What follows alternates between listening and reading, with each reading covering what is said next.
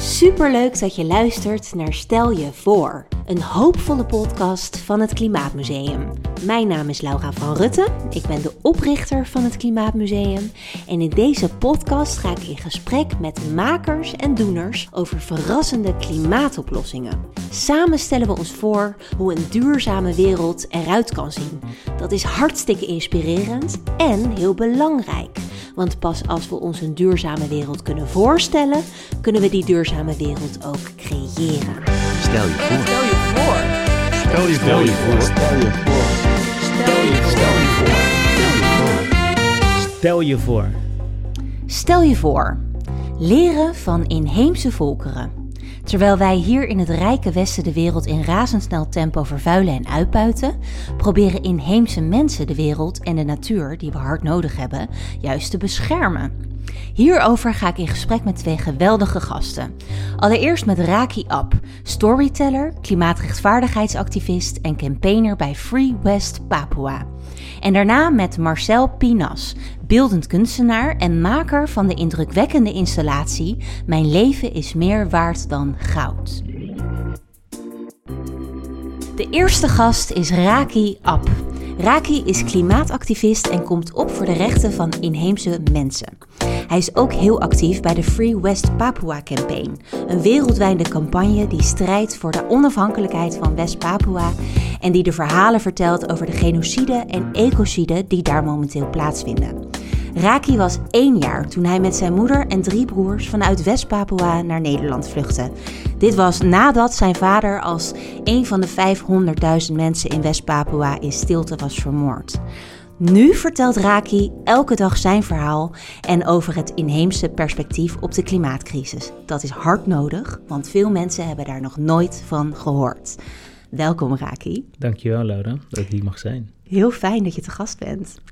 Hey, ik zag je laatst op de A12 bij een demonstratie van Extinction Rebellion. Uh, daar was ik ook. En daar vertelde je opnieuw uh, met die gedrevenheid van jou, uh, jouw verhaal en over het inheemse perspectief. Ja. Wat is dat verhaal? Ja, dan um, hebben we een aantal lagen nodig om de, de luisteraar mee te nemen. waar West-Papua ligt op de wereldkaart, wat er gaande is en hoe dat ooit als onderdeel van Nederland uh, uh, uiteindelijk onderdeel van Indonesië werd en welke onrecht daar daarna um, uh, is, is, is, gaan plaatsvinden. Um, en welk in direct contact staat met de huidige klimaatcrisis. En dat verhaal, die koppeling, dat vertelde ik in het kort tijdens de protestdemonstratie van Extinction Rebellion. waar ik ook als een van de woordvoerders klimaatrechtvaardigheid ja, dat verhaal probeerde over te brengen aan, aan, de, aan de aanwezige deelnemers. Ja, en uh, West-Papua ligt in, uh, bij Indonesië. Dat is een oud-kolonie van Nederland. Ja. En daar is dus nu uh, van alles aan de hand met de bevolking daar... en de druk vanuit Indonesië en de ecocide en genocide. Ja. welke onrechten zijn daar op dit moment gaande? Ja, dus eigenlijk na de beloofde vrijheid ooit... wat, wat nooit is gekomen uiteindelijk... en we onderdeel werden van Indonesië... begonnen eigenlijk direct de, de grove mensenrechten schendingen... van de nieuwe bezetter Indonesië... Um, uh, waarbij je een toename, in, in, uh, toename zag, intense toename zag van militaire um, troepen naar West-Papua. Eigenlijk door een, invasie in 1963 van het Indonesisch leger van de destijdse ne Nederlands Nieuw-Guinea. Um, en die zijn nooit meer weggegaan. met als gevolg dat de oorspronkelijke bewoners, de inheemse Papua's, eigenlijk hun land ingepikt zagen worden. Um, uh, en met een, uh, een, gevolg dat de media werd verbannen, NGO's werden verbannen, maar multinationals zoals de grootste goudmijn ter wereld, tweede grootste kopermijn, BP's, Unilevers, welkom waren om het leefgebied van de inheemse Papua's in te pikken en dat gebied te, te, te, te gebruiken voor de extractie van grondstoffen, dan wel planten van palmolie, ten, ten behoeve van onze consumptie. Met als gevolg dat uh, inmiddels volgens NGO's naar schatting 100.000 tussen 500.000 Papua's het slachtoffer zijn geworden de afgelopen 60 jaar. Uh, in een nutshell. En dat, op een populatie van minder dan 2,1 miljoen inheemse Papua's, 500.000. Ja, dat is, waar, dat is waar, waar, waarom wij spreken van een genocide. Um, en, en, en met als gevolg dat al deze activiteiten van die bedrijven zorgen dat het ecosysteem volledig uh, onleefbaar wordt, verwoest wordt. Uh, en, ja, notabene op de grootste tropische eiland ter wereld. Ja, ja. dan zou je moeten verwachten, waarom horen we daar zo weinig over? Ja. Uh, te midden van een klimaat- en biodiversiteitscrisis is dit een frontliniegebied. Um, en omdat iedereen stil is, de wereld en de Nederlandse politiek, um, daar komt Free West Papua Campaign binnen. Om de mensen bewust te maken en te vertellen over die genocide, uh, ecocide en de voortzetting van kolonialisme. Ja, dus in West-Papua komen genocide en ecocide eigenlijk bij elkaar. En daar zie je dus zo duidelijk hoe dat met elkaar verband houdt. Absoluut. Juist, want ik heb ook ge gelezen dat um, eigenlijk uh, is 5% van de wereldbevolking inheems. En zij zorgen ervoor dat ruim 80% van de biodiversiteit wordt um, beschermd. Ja, absoluut. Uh, verschillende rapportages van de UNIPCC en de UNFCCC, dus de organisaties die over klimaat gaan binnen de VN, hebben vastgesteld inderdaad dat die, die, die slechts 5% van de wereldpopulatie inheemse volkeren zijn, maar dat hun levenswijze ertoe heeft bijgedragen dat ruim 80% van de uh, wereldbiodiversiteit gewaarborgd is gebleven. Want het vindt namelijk plaats op hun leefgebied. En, en dat is de directe koppeling tussen uh, inheemse perspectief en klimaatverandering. Als wij uh, de levens van inheemse volkeren beschermen, dan zullen we zien dat die bossen blijven bestaan, dat die ecosysteem zal floreren. En, en, en dat is waar dit perspectief uh, eigenlijk uh, over gaat, inheemse perspectief op klimaatverandering. En cruciaal als je deze cijfers naast elkaar legt. En als je dan nog, nog een ander cijfer erbij pakt, van dat 96% van de wereldwijde boskap door sojaplantages, mijnbouw, uh, fossiele activiteit ook plaatsvinden in diezelfde inheemse leefgebieden. Nou, dan zie je dat hè, zij beschermen 80% van de wereldbiodiversiteit, maar 96% van de wereldwijde boskap vindt plaats in die leefgebieden. Als je dat bij elkaar optelt, is de meest voor de hand liggende, effectiefste en goedkoopste klimaatoplossing. Bescherm de rechten van inheemse volkeren. En op die manier zullen we niet alleen de volkeren beschermen, maar dus ook onze leefomgeving. Ons, ons, onze, onze aarde en onze klimaat en dus daarmee onze aarde. Ja, en wat daar ook bij schijnend is, is dat dus de mensen die het minst bijdragen aan de klimaatcrisis, ondervinden dus wel de meeste gevolgen. En dat wordt uh, in het debat ook wel klimaatracisme uh, genoemd. Ja. Uh, kun je dat nog wat verder uitleggen? Wat is dat? Ja, dus, dus in het debat hoor je vaak um, CO2-reductie en allerlei cijfers en tabellen. Dat is prima, want dat klopt. Dat is een wetenschappelijke onderbouwing hoe, het, hoe slecht de klimaat ervoor staat. Maar eigenlijk het wegcijferen van de slachtoffers, de mensen die, eh, zoals je zegt, niet hebben bijgedragen aan die CO2-uitstoot, maar eigenlijk al slachtoffer zijn van hè, eh, onze consumptie in het globale noorden, uh, dat die levens er niet toe doen, dat is waar klimaatracisme eigenlijk over gaat. Dat je een narratief um, uh, um, eigenlijk mist wat gaat over de vernietiging van mensenlevens. En vaak zijn het mensenlevens in het globale zuiden, dus mensen van kleur. Um, en, en, en ja, dat is waar klimaatracisme eigenlijk over gaat. Dus de verdieping over welke lagen en machtsstructuren zorgen ervoor dat uh, dit soort verhalen niet gehoord worden. Dat dus de, de mensen die uh, eigenlijk uh, de beschermers zijn van die ecosystemen, die zijn eigenlijk altijd buiten beschouwing gelaten. Um, terwijl je ziet dat als zij, als hun perspectief, 50 jaar geleden, sterker nog niet alleen hun perspectief, maar als die mensen, de vertegenwoordigers hè, van de inheemse volkeren, aan tafel zaten bij COP 1, dan was de klimaatproblematiek waarschijnlijk bij de klimaattop 2 opgelost. Ja. Want hun, hun inzicht en hun perspectieven zijn zo anders dan die van het globale noorden, waar winst nog altijd de boventoon speelt. Terwijl voor inheemse volkeren gaat het om uh, zorg ervoor dat de bomen en, en, en het ecosysteem ook voor volgende generaties uh, um, gelijk blijft. En dat is een hele andere kijk op de wereld, op besluitvorming dan uh, er nu gebeurt. En binnen welke klimaatop ook, maar ook binnen het politieke debat, binnen de campagnes die we voeren. Dus als je het mij zou vragen, wat zou een goede eerste stap zijn? Representatie bij welke klimaatdiscussie of bijeenkomst dan ook, dat we de inheemse volkeren vertegenwoordigers centraal stellen. Dat, aan tafel dat ze aan tafel komen zitten en dat we hen faciliteren. Niet als token, maar ook zeggenschap en besluitvormingskracht geven. Ja. Dan krijgen we een ander soort uitkomst. Dat is mijn overtuiging. Ja, en, en het kapitalisme komt er natuurlijk ook om de hoek kijken. Dus ja. eigenlijk kan ik het zo zeggen dat klimaatracisme, um, dat in die term Black Lives Matter, kolonialisme en kapitalisme bij elkaar komen? 100 procent. Absoluut. Oké. En is er nu ook neocolonialisme aan de gang? Of hoe, hoe kijk jij daar tegenaan? Zeker, als je kijkt naar hoe, hoe, hoe het daar eh, in West-Papua aan toe gaat. Hè. Voorheen had je het duidelijke kolonialisme. Landen die pikken een gebied in, zetten een vlag daar neer... zoals Nederland Indonesië veroveren en Groot-Brittannië bijna de helft van de wereld. Duidelijke vorm van kolonialisme. Zie je nu andere structuren in diezelfde vorm... wat ik als neocolonialisme omschrijf... is dat Nederlandse bedrijven hè, van diezelfde constructie... nou, nou zit, heeft, is Indonesië daar de baas. Niet voor niks dat ze ons niet benoemen in het buitenlands beleid... maar dat de handelsdelegaties vanuit Nederland... onder de leiding van de koning soms daar naartoe gaat om handelsverdragen te ondertekenen. En waar bedrijven als Unilever dankbaar gebruik van maken. En, en je, je eigenlijk ziet dat eh, eh, eh, de structuren van toen eigenlijk zijn overgeheveld naar het kapitalisme, maar waar neocolonialisme eigenlijk diezelfde machtsstructuur uitbuiten van gebieden elders, mensenlevens, ehm, in eenzelfde, in een gelijke wijze plaatsvindt. Ja. Zie je in dit hele debat ook sprankjes hoop? 100%. Ik ben blij dat je het benoemt. En ik hoop dat de luisteraar nu aandachtig luistert. Want dit is het belangrijkste ehm, ehm, eh, element in storytelling. Hè? En mensen bewust maken van ja, eh, er, is een hele zwarte bladzijde. ehm, als je kijkt naar wat er in West-Papua gebeurt. En de stiltes in instituties. Maar de, de, eh, de hoop is dat we door middel van het vertellen van verhalen als dit, perspectief van dit... eh, potentiële, eh, eh, wat is het, vrienden, mensen kunnen activeren die werkzaam zijn bij een milieuorganisatie, in het onderwijs, in de politiek, kunnen bewapenen met een ander soort perspectief. Zodat zij hun positie, wellicht machtspositie, gebruiken om inheemse volkeren een stem te geven.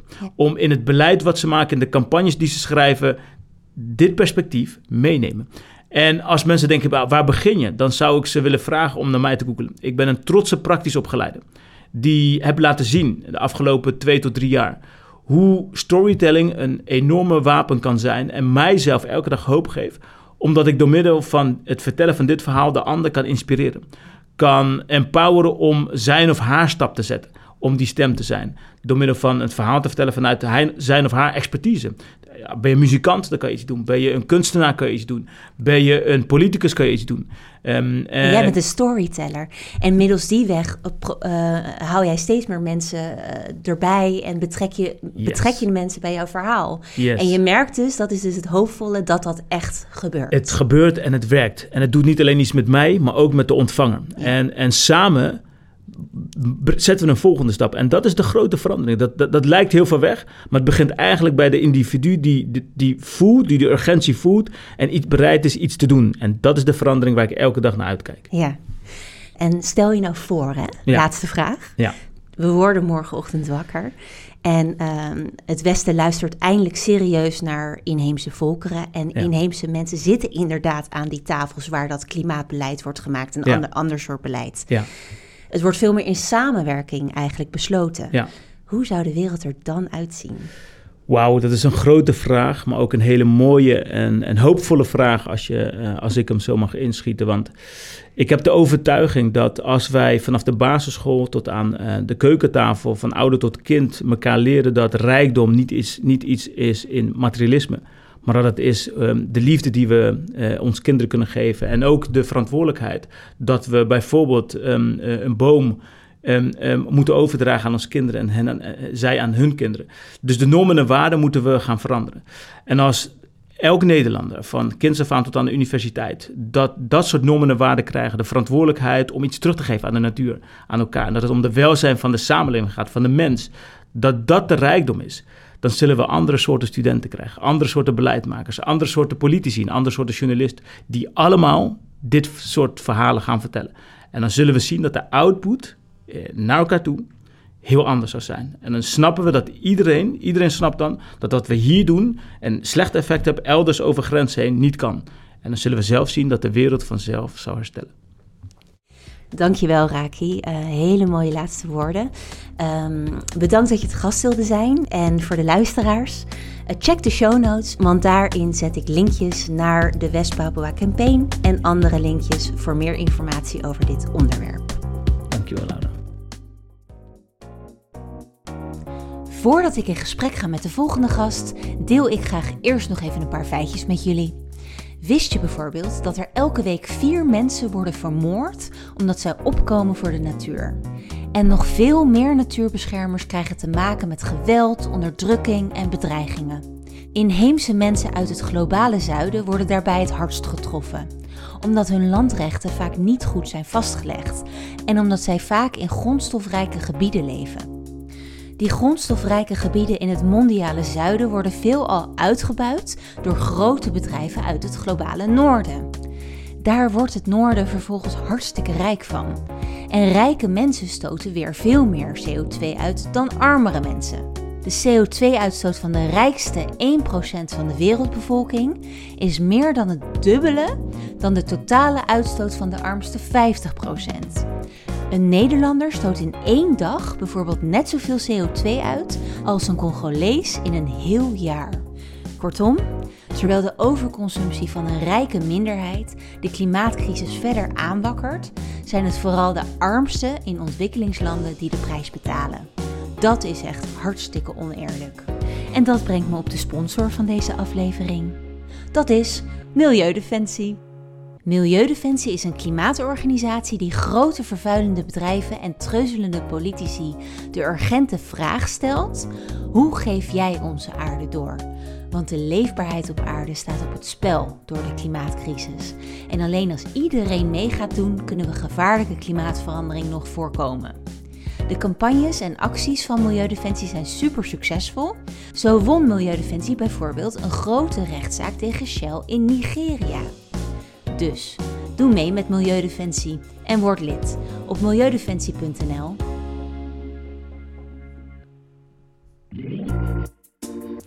De volgende gast van deze aflevering is Marcel Pinas. Marcel is beeldend kunstenaar en woont en werkt in Parimaribo, Suriname. Zijn werk wordt over de hele wereld tentoongesteld, waaronder in meerdere musea hier in Nederland. Met zijn meest recente werken wil hij bewustwording creëren over lokale problemen in Suriname en laten zien dat iedereen gelijkwaardig is. Dat is zijn drijfveer. Ik sprak Marcel trouwens online, eh, want ik ben uiteraard niet naar Suriname gevlogen. Dat betekent dat de geluidskwaliteit niet optimaal is, maar dat went echt al snel naarmate het gesprek loopt en het is een belangrijk onderwerp, dus blijf vooral luisteren. Laten we beginnen, Marcel. Oké. We gaan het hebben over jouw kunstwerk Milibi Waiti Mogotu. Uh, wat in het Nederlands betekent: Mijn leven is meer waard dan goud. Het kunstwerk gaat over de desastreuze gevolgen van de mijnbouw in Nieuw Koffiekamp, een dorp in Suriname, uh, waar de multinational I Am Gold zoekt naar goud, met alle gevolgen van dien. Kun je allereerst iets meer vertellen over die situatie rond de goudmijn? Je kan zeggen, er is een probleem daar. Er is een internationaal bedrijf die bezig houdt uh, bezig daar goud te zoeken. Maar die bedreigen het dorp, inkomstenbronnen van die lokale mensen. Uh, dat wil zeggen, die mensen hun economische zone waarvan ze moeten leven, dat is om het dorp. En nog geen 100 meter, 200 meter van het dorp is zeg maar, gold bezig met winning van goud. En notabene, die mensen worden niet aan een baan geholpen. Dus die mensen profiteren helemaal niet van wat die grote bedrijven uh, daar aan het doen zijn. Nee. En wat doet dat met de lokale gemeenschap? En wat er gebeurt, daar ontstaat een soort conflict, een soort clash. Tussen die jongens die goud gaan zoeken en die, die, die guards die, die, van die multinationals, die die, die, die die jongens komen weghalen. En het gebeurt vaak dat um, uh, um, hoe zeg je, geweld bij komt kijken. En op een dag hebben ze één jongen doodgeschoten. Dus daardoor is er, was er een soort rel, was een soort hype, was een soort hoogtepunt. Dat wij zeggen van, weet je, we moeten mensen bewust maken van dat ons leven meer waard is dan goud. We hoeven niemand dood te maken omdat we goud moeten vinden. Omdat Suriname-overheid uh, multinational uh, wil accommoderen om goud te zoeken. En die mensen vermoorden onze eigen mensen. Dus vandaar dat we toen een hype hebben ontwikkeld om die bewustwording op gang te, te brengen dat ons leven meer waard is dan goud. Ja. En dat is dus ook de titel geworden van, van het kunstwerk. Het is een installatie met een aantal elementen. En wat direct opvalt zijn de doodshoofden. Ja, zeg maar, die doodshoofden, die, eh, die symboliseren zeg maar, het gevaar. Dus als we, zeg maar, als we niet aanpakken, als we niet opkomen, als we niet praten, als we niet bekendmaken wat er aan de hand is, weet je, dan verdwijnt de hele gemeenschap. Uh, mensen worden ziek. Uh, uh, mensen kunnen niet meer leven in hun betrouwbare omgeving. Mensen Ja. moeten verhuizen van daar naar Paramaribo. Weet je, en dat brengt heel veel problemen met zich mee. Discriminatie, criminaliteit. Weet je, het is niet goed. Nee, en de mensen worden ziek omdat eh, voor goudwinning giftige elementen worden gebruikt, zoals kwik, eh, die de omgeving vervuilen en in het water komen en in de grond, et cetera. Ehm, en een ander opvallend element uit de installatie is het roodbruine zand, waarop de doodshoofden liggen. Hoe zit dat? Ehm, wat het voorstelt is eigenlijk, als men goud zoekt, ehm, wat blijft over?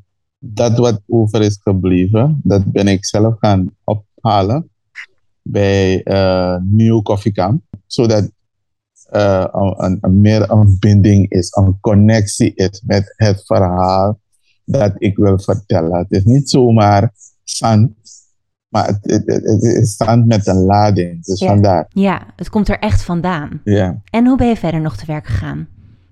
Normaal wat ik doe, bijvoorbeeld, wat ik doe in mijn werk, bijvoorbeeld ehm, dat zand, ik ben ga- gegaan om het te zoeken, maar er zijn arbeiders vandaar die, die het allemaal gaat eh, scheppen en in zakken doen. Dus die zijn bij het proces betrokken. Ja. Die, dood, die, die doodskoppen, die schedel, die zijn ook gemaakt door mannen die potten maken. ehm, en die, dat zijn recycled materiaal. Dus dat materiaal dat bijvoorbeeld van ou- oude motorblokken. En dan gaan ze weer smelten. En dan gaan ze iets ermee doen in plaats dat ze in de natuur dumpen. Ja. Begrijp je? Maar, maar daarmee vertel je ook het verhaal. Ja, oké. Dus je werkt altijd samen met mensen uit de gemeenschap. Ehm, en een ander onderdeel van de installatie is het houtsnijwerk. Dat bevat verschillende motieven. Wat symboliseren die? Eh, dat zijn hoofdwerkmotieven die worden gebruikt voor het decoreren van gebruiksvoorwerpen. Bijvoorbeeld die deuren, die banken, boten. Weet je? En, en dan betrek ik ook jongeren erbij om die motieven te gaan tekenen en dan uit te zaken. Dus op zo'n manier probeer je ze bewust te maken van dit is mijn cultuur. Het heeft waarde. Het is uniek. Wat doen we ermee? Ja, Weet je, en zo blijf je, doordat het in een kunstvorm komt, weet je, dan blijft het leven, want dan wordt het verhaal verteld. En zo probeer je mensen bewust te maken en dan hou je het in leven. ja, mooi. En dan ligt er nog een stapel letters uit het Avaka-schrift. Wat betekenen de letters en waarom liggen ze opgestapeld? Het Afaka-schrift, dat is een schrift waarop ik trots ben. Ik zeg van, wauw, mijn mensen zijn in staat geweest om dit te ontwikkelen. En het Afaka-schrift bestaat uit 56 tekens en is ontwikkeld door meneer Afaka om zijn eigen mensen te leren schrijven in een, in een geheimschrift dat andere mensen niet konden verstaan. En eigenlijk wat die opgestapelde letters, dat staat eigenlijk Kibi Wibusi, Sawo Fika Gide Pikiwana Baka. Dus eigenlijk, dat staat eigenlijk voor uh, bescherm onze bossen. Juist. Wat laten wij voor onze kleinkinderen achter? Begrijp je? En het is ook een hidden message. Dus me- moeten mensen moeten nieuwsgierig worden van, maar waarom, is, waarom zijn ze op elkaar gestapeld? Wat houdt het in? Weet je, het is nieuws, het is iets anders. En daarmee probeer je het verhaal over te brengen. Dus de installatie eh, gaat niet alleen over de klimaatschade en milieuschade die zo'n grote multinational ineens aanricht, maar ook over de verhouding met de lokale bevolking, de onrechtvaardigheid die daar ook bij komt kijken. Mensen raken hun eh, huis eh, kwijt, hun, hun leefomgeving waar ze vissen, waar ze hun alles vandaan halen. Dat is natuurlijk een Ja. enorm groot probleem. Ehm, heb je nog ergens hoop? Eh, ik heb hoop. Eh, kijk, het, het, het feit dat ik nog leef, weet je, is hoopgevend. Het feit dat mijn voorouders uh, het binnenland zijn ingevlucht met niks. En hun eigen cultuur tot nu toe in stand hebben gehouden. Dus dat geeft me ook hoop. De veerkrachtigheid. Ja, ja, ja, ja. Dus het feit dat wij, de Maron en de inheemse, dus die, die, die Indianen, um, uh, zoveel honderden jaren in het bos hebben gewoond en, en niet hebben geplunderd, uh, niet alle goud, niet, weet je, het water hebben vervuild. Weet je, dat geeft aan dat wij, die in het bos wonen, het beste om kunnen gaan met het bos, met, met de natuur. En, en weet je, dus dat is hoopgevend. En, en daar, gaan, daar kan de wereld van ons leren Ja. om te gaan met de natuur, met je milieu. Weet je, want doordat we zo hebben geleefd, is het grootste deel eh, zeg maar, van het Amazonewoud in, intact gebleven. En wie zorgt voor die bedreiging? Het, zijn, het is, is meer het Westen, het zijn die multinationals. Het is Suralco, het is IAM Gold. Het zijn die, die, die grote bedrijven die, die, die willen profiteren van al die natuurlijke rijkdommen van de wereld. Weet je, en wij mensen die alles proberen te behouden, wij lijden daaronder. ja, jouw werk is dus ook echt een protest. Ja, ja, ja, ja, ja, ja, ja. Mijn Ja. werk is dan, zeg maar, zulke problemen Ja. proberen aan te, aan te kaarten en mensen bewust maken van eh, wat die problemen zijn en, en hoe ik erover denk en hoe mensen erover denken.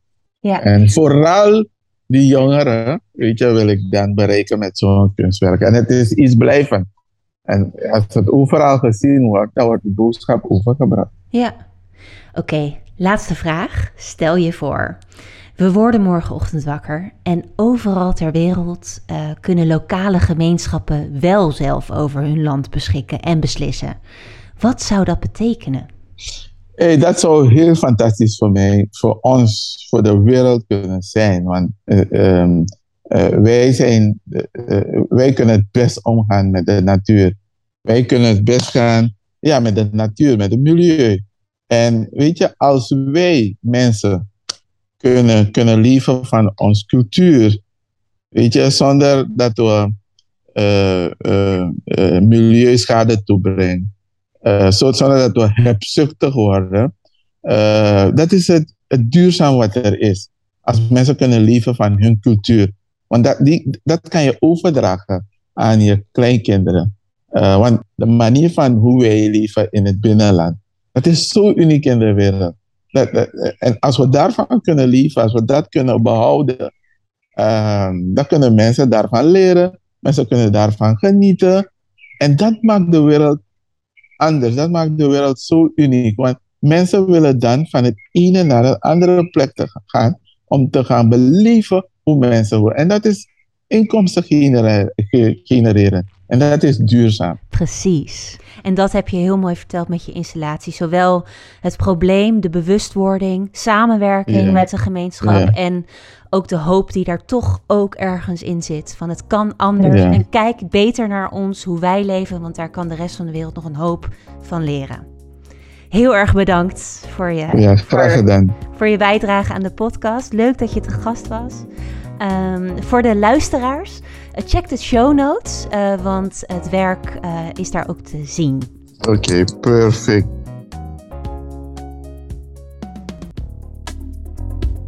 Dit is alweer het einde van de aflevering. Check de show notes op onze website klimaatmuseum.nl. Daar vind je ook meer informatie over onze andere projecten. En kun je ons steunen door vrienden te worden. Volg de podcast ook op je favoriete podcastkanaal. Klik op Spotify bijvoorbeeld op het belletje. De muziek van deze podcast is gemaakt door Bob Lijnsen en Katinka Den Nijs heeft meegewerkt aan de redactie en productie. Bedankt voor het luisteren. Tot de volgende. Stel je voor. Stel je voor. Stel je Stel je voor. Stel je voor. Stel je voor. Stel je voor. Stel je voor.